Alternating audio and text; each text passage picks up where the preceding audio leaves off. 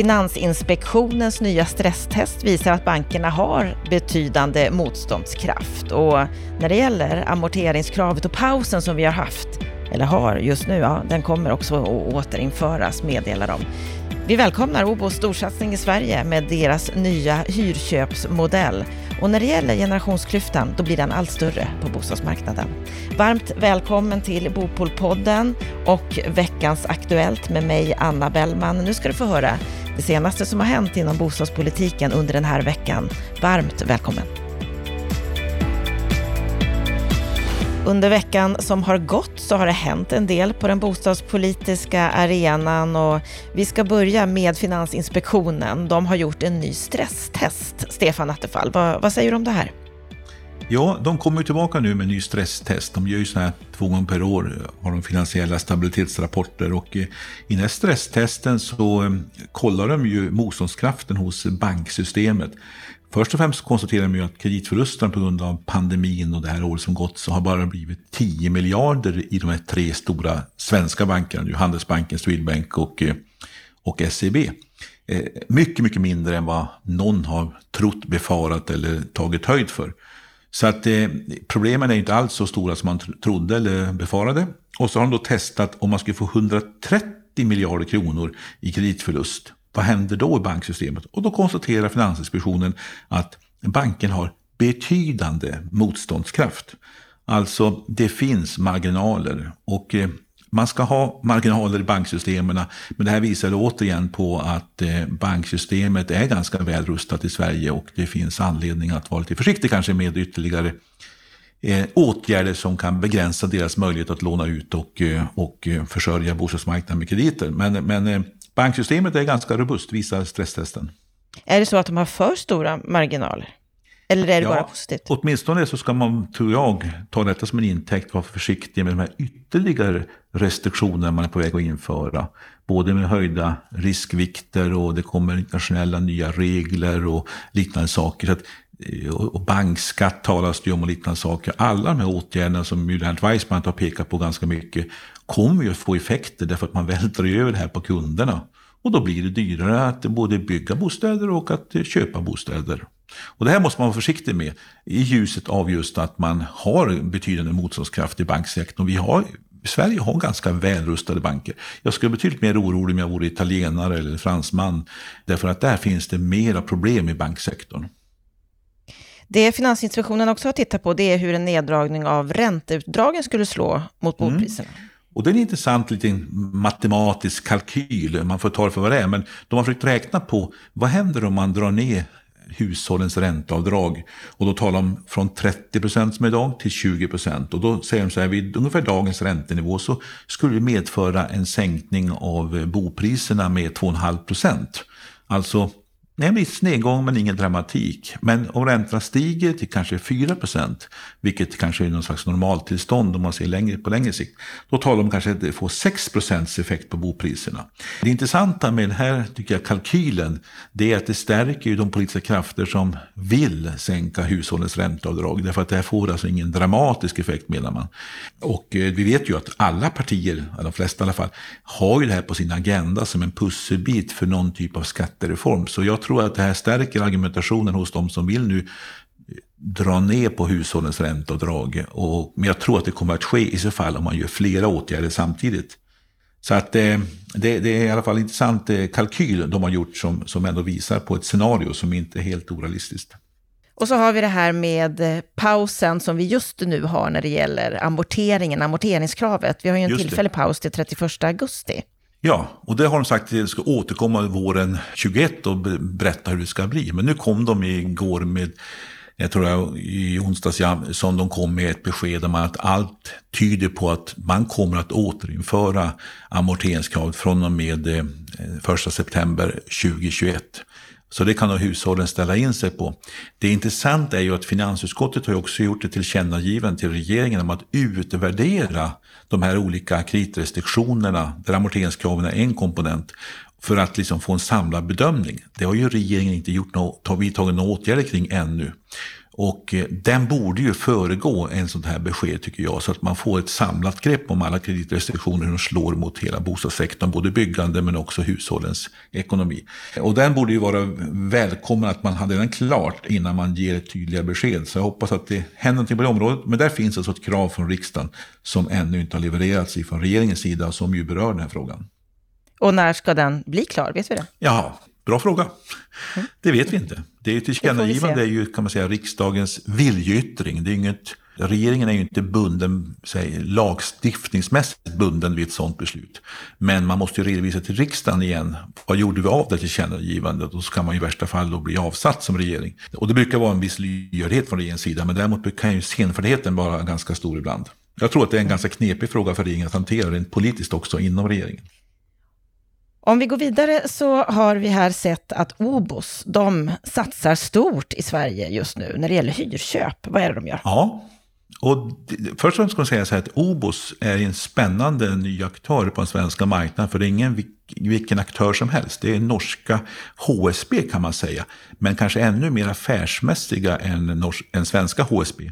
Med betydande ekonomiska muskler. De har enorm krigskassa och de har ju satsat på Sverige och kommit in här och börjat mycket med småhusproduktion, köpt upp en småhustillverkare och mindre flerfamiljshus. Och nu satsar de alltså ännu mer också i storstäderna. Och nu går man alltså in med ett nytt koncept som är eh, mer använt i Norge än i Sverige med en hyrköpsmodell.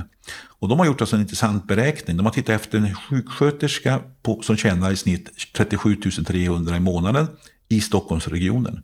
Hur många nyproducerade bostäder klarar den sjuksköterskan av att köpa? Eh, med tanke på dagens kreditrestriktioner och bolånetak och alla möjliga saker. Och de räknar på att den här sjuksköterskan kan bara komma åt 5% av alla bostäder i Stockholmsregionen, alltså nyproducerade bostäder. Och ändå så har sjuksköterskan i deras exempel 300 000 kronor i kontantinsats. Med deras hyrköpsmodell så menar de att nu kan samma sjuksköterska komma åt 30 procent av utbudet om man skulle införa det i stor skala. Och nu gör de det i bland annat norra Djurgårdsstaden, ska de satsa på ett projekt. Och eh, det här är ett slags delat ägande, alltså du köper en del av bostaden, så successivt ska du köpa hela bostaden. Så, att, eh, Obos... så du börjar med att äga en liten del och kommer successivt att kunna få äga hela? Ja, fördelen är ju att man får fler att komma in i den ägda marknaden, man får fler kunder, bredda kundbasen. Nackdelen är ju att Obos då som aktör binder ju kapital jämfört med en bostadsrättsförening som ju man säljer av alla bostäderna och sen så är man av med det hela och har lättat på sin egen balansräkning så blir ju Obos delägare i massa bostäder. HSB i Sverige har ju gjort en liknande sak för ungdomar i mindre skala, testat det här. Och eh, jag tror att modellen är bra. Problemet är att det krävs finansiella muskler och det har OBOS. Därför blir det spännande att följa hur det går. Och jag hoppas också att fler aktörer i Sverige gör liknande saker. För jag tror att vi måste alltså komma dithän att vi öppnar fler vägar för människor att kunna äga sin bostad. Även människor som inte har så stora kapitalinsatser exempelvis. Och då kan det här vara ett sätt. Men även de kommunala bostadsbolagen och hyresrättsbolagen skulle kunna utveckla olika typer av hyrköpsmodeller. Gör man det bara på rätt sätt så kan det få en, tror jag, en positiv inverkan på svensk bostadsmarknad och göra att fler kan komma in på bostadsmarknaden. Som du säger så är det ju någonting som är väldigt välkommet och som, som verkligen gynnar den svenska bostadsmarknaden, samtidigt som ju då OBOS binder väldigt mycket kapital. Varför gör man det här tror du? Jag tror helt enkelt att Obos har ambitioner att bli stora i Sverige. Och eh, har man då den här starka balansräkningen, starka krigskassan som Obos har, så då har man också muskler att göra detta. Och då ser man en nisch här eh, som, som eh, är lite, lite ledig i Sverige. Vi ser ju också att det finns ju fler norska ska säga, investerare som ser på svenska marknaden. Vi har ju en rad olika initiativ. Veidekke sålde ju sin bostadsrättsutvecklingsdel till ett norskt konsortium. De eh, satsar ju nu i Sverige med sitt eh, Norder som det heter. Och vi har ju också, det jag själv är verksam i, i eh, Heimstaden, som ju har också en delägare från Norge. Och det finns ytterligare byggföretag och det finns Veidekke ett sådant exempel, men också ytterligare byggföretag i Sverige. Så att från Norge kom en hel del kapital och initiativ som ju gör att den svenska bostadsmarknaden både ökar konkurrensen men också ökar utbudet av olika alternativa möjligheter. Vi får glädjas åt att norrmännen vill satsa pengar i Sverige. Det sista vi ska ta upp den här veckan, det är en krönika på bostadspolitik.se som eh, Emma Persson, privatekonom på Länsförsäkringar, har skrivit, där hon inleder sin krönika med att skriva så här. En generation svischade genom en närmast perfekt storm av samhällsekonomiska faktorer som gjorde dem förmögna, medan en annan fortfarande står och spanar över de höga trösklarna, oförmöga att ens ta ett kliv in i finrummet. Det är djupt orättvist. Och hon menar ju då att dagens generation, de unga, de har ingen möjlighet att efterfråga och bli förmögna på samma sätt som, som tidigare generationer. Berätta, vad är, vad är det hon pekar på här? Ja, alltså Länsförsäkringar har ju bett eh, eh analysföretaget Evidens att räkna på hur olika generationer vilka effekter har deras e-, eget ägda bostäder fått för deras privatekonomi och se just hur exempelvis 40-talisterna är den mest gynnade generationen. De har räknat på 40-talisten, 60-talisten och 80-talisten. Och så har de tittat på fyra kommuner, Lidingö, Norrtälje, Gävle och Umeå. Och ser då hur 40-talisten har verkligen tjänat på att äga sitt boende.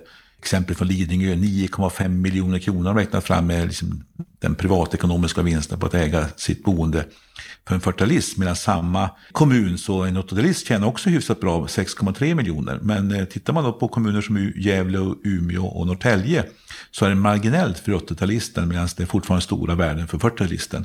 Och det här beror ju på att 40-talisterna fick ju ett bostadsbestånd som ofta var subventionerat på olika sätt. Antingen var belåningsmöjligheterna, det var billiga lån, det var hög belåningsgrad, garantier från staten eller direkta subventioner. Och sen var det inflation som amorterade skulderna och ränteavdrag och liknande saker. Och har vi också tagit bort också för 40-talisterna fastighetsskatten när de blir så pass gamla att de ägde sin bostad som behöver värde en hel del. Och nu ropar ju allt fler och fler på att 40 ska slippa också reavinstskatten när de, går, när de går ur sitt ägda boende. Så att vi kan se hur en generation har varit oerhört gynnade och hamnat rätt om man säger så.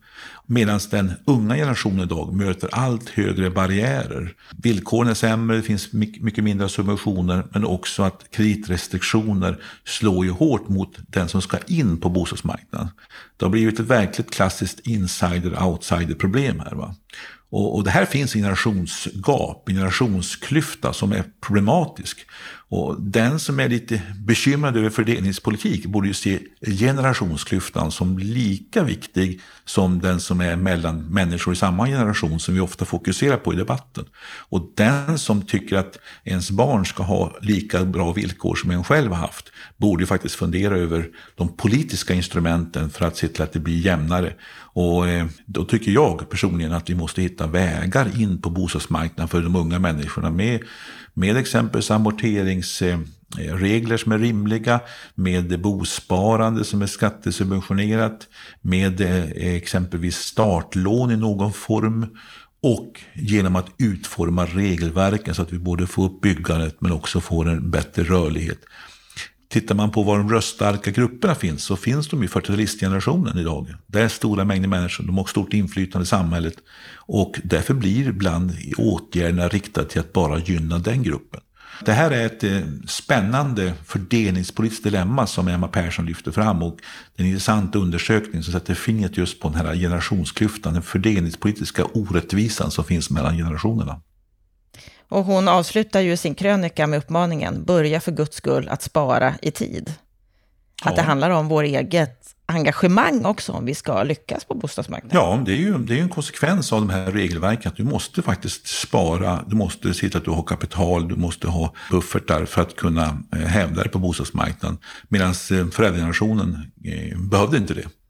Och det var inte heller sunt. Så att vi ska inte heller hamna i andra diket där vi skapar osund struktur. En del av den här problematiken som vi brottas med idag beror ju på att det varit en stark reaktion mot en översubventionerad bostadssektor. Där man faktiskt eh, hade enorma offentliga finansiella resurser som gick till, till att subventionera boendet, ibland på många gånger osunda villkor. Mm, vi har hamnat i andra diket, vi behöver upp på vägen igen. Det borde finnas en väg någonstans däremellan, ja. Mm. Då får vi hoppas att vi hittar den vägen. Vi kommer ju fortsätta att diskutera på vilket sätt den vägen kan hittas här i Bopolpodden framöver. Stort tack Stefan Attefall för veckans Aktuellt. Och stort tack till dig som har lyssnat. Vill du läsa mer, förkovra dig mer, då går du in på bostadspolitik.se. Med det så önskar vi dig en riktigt trevlig helg.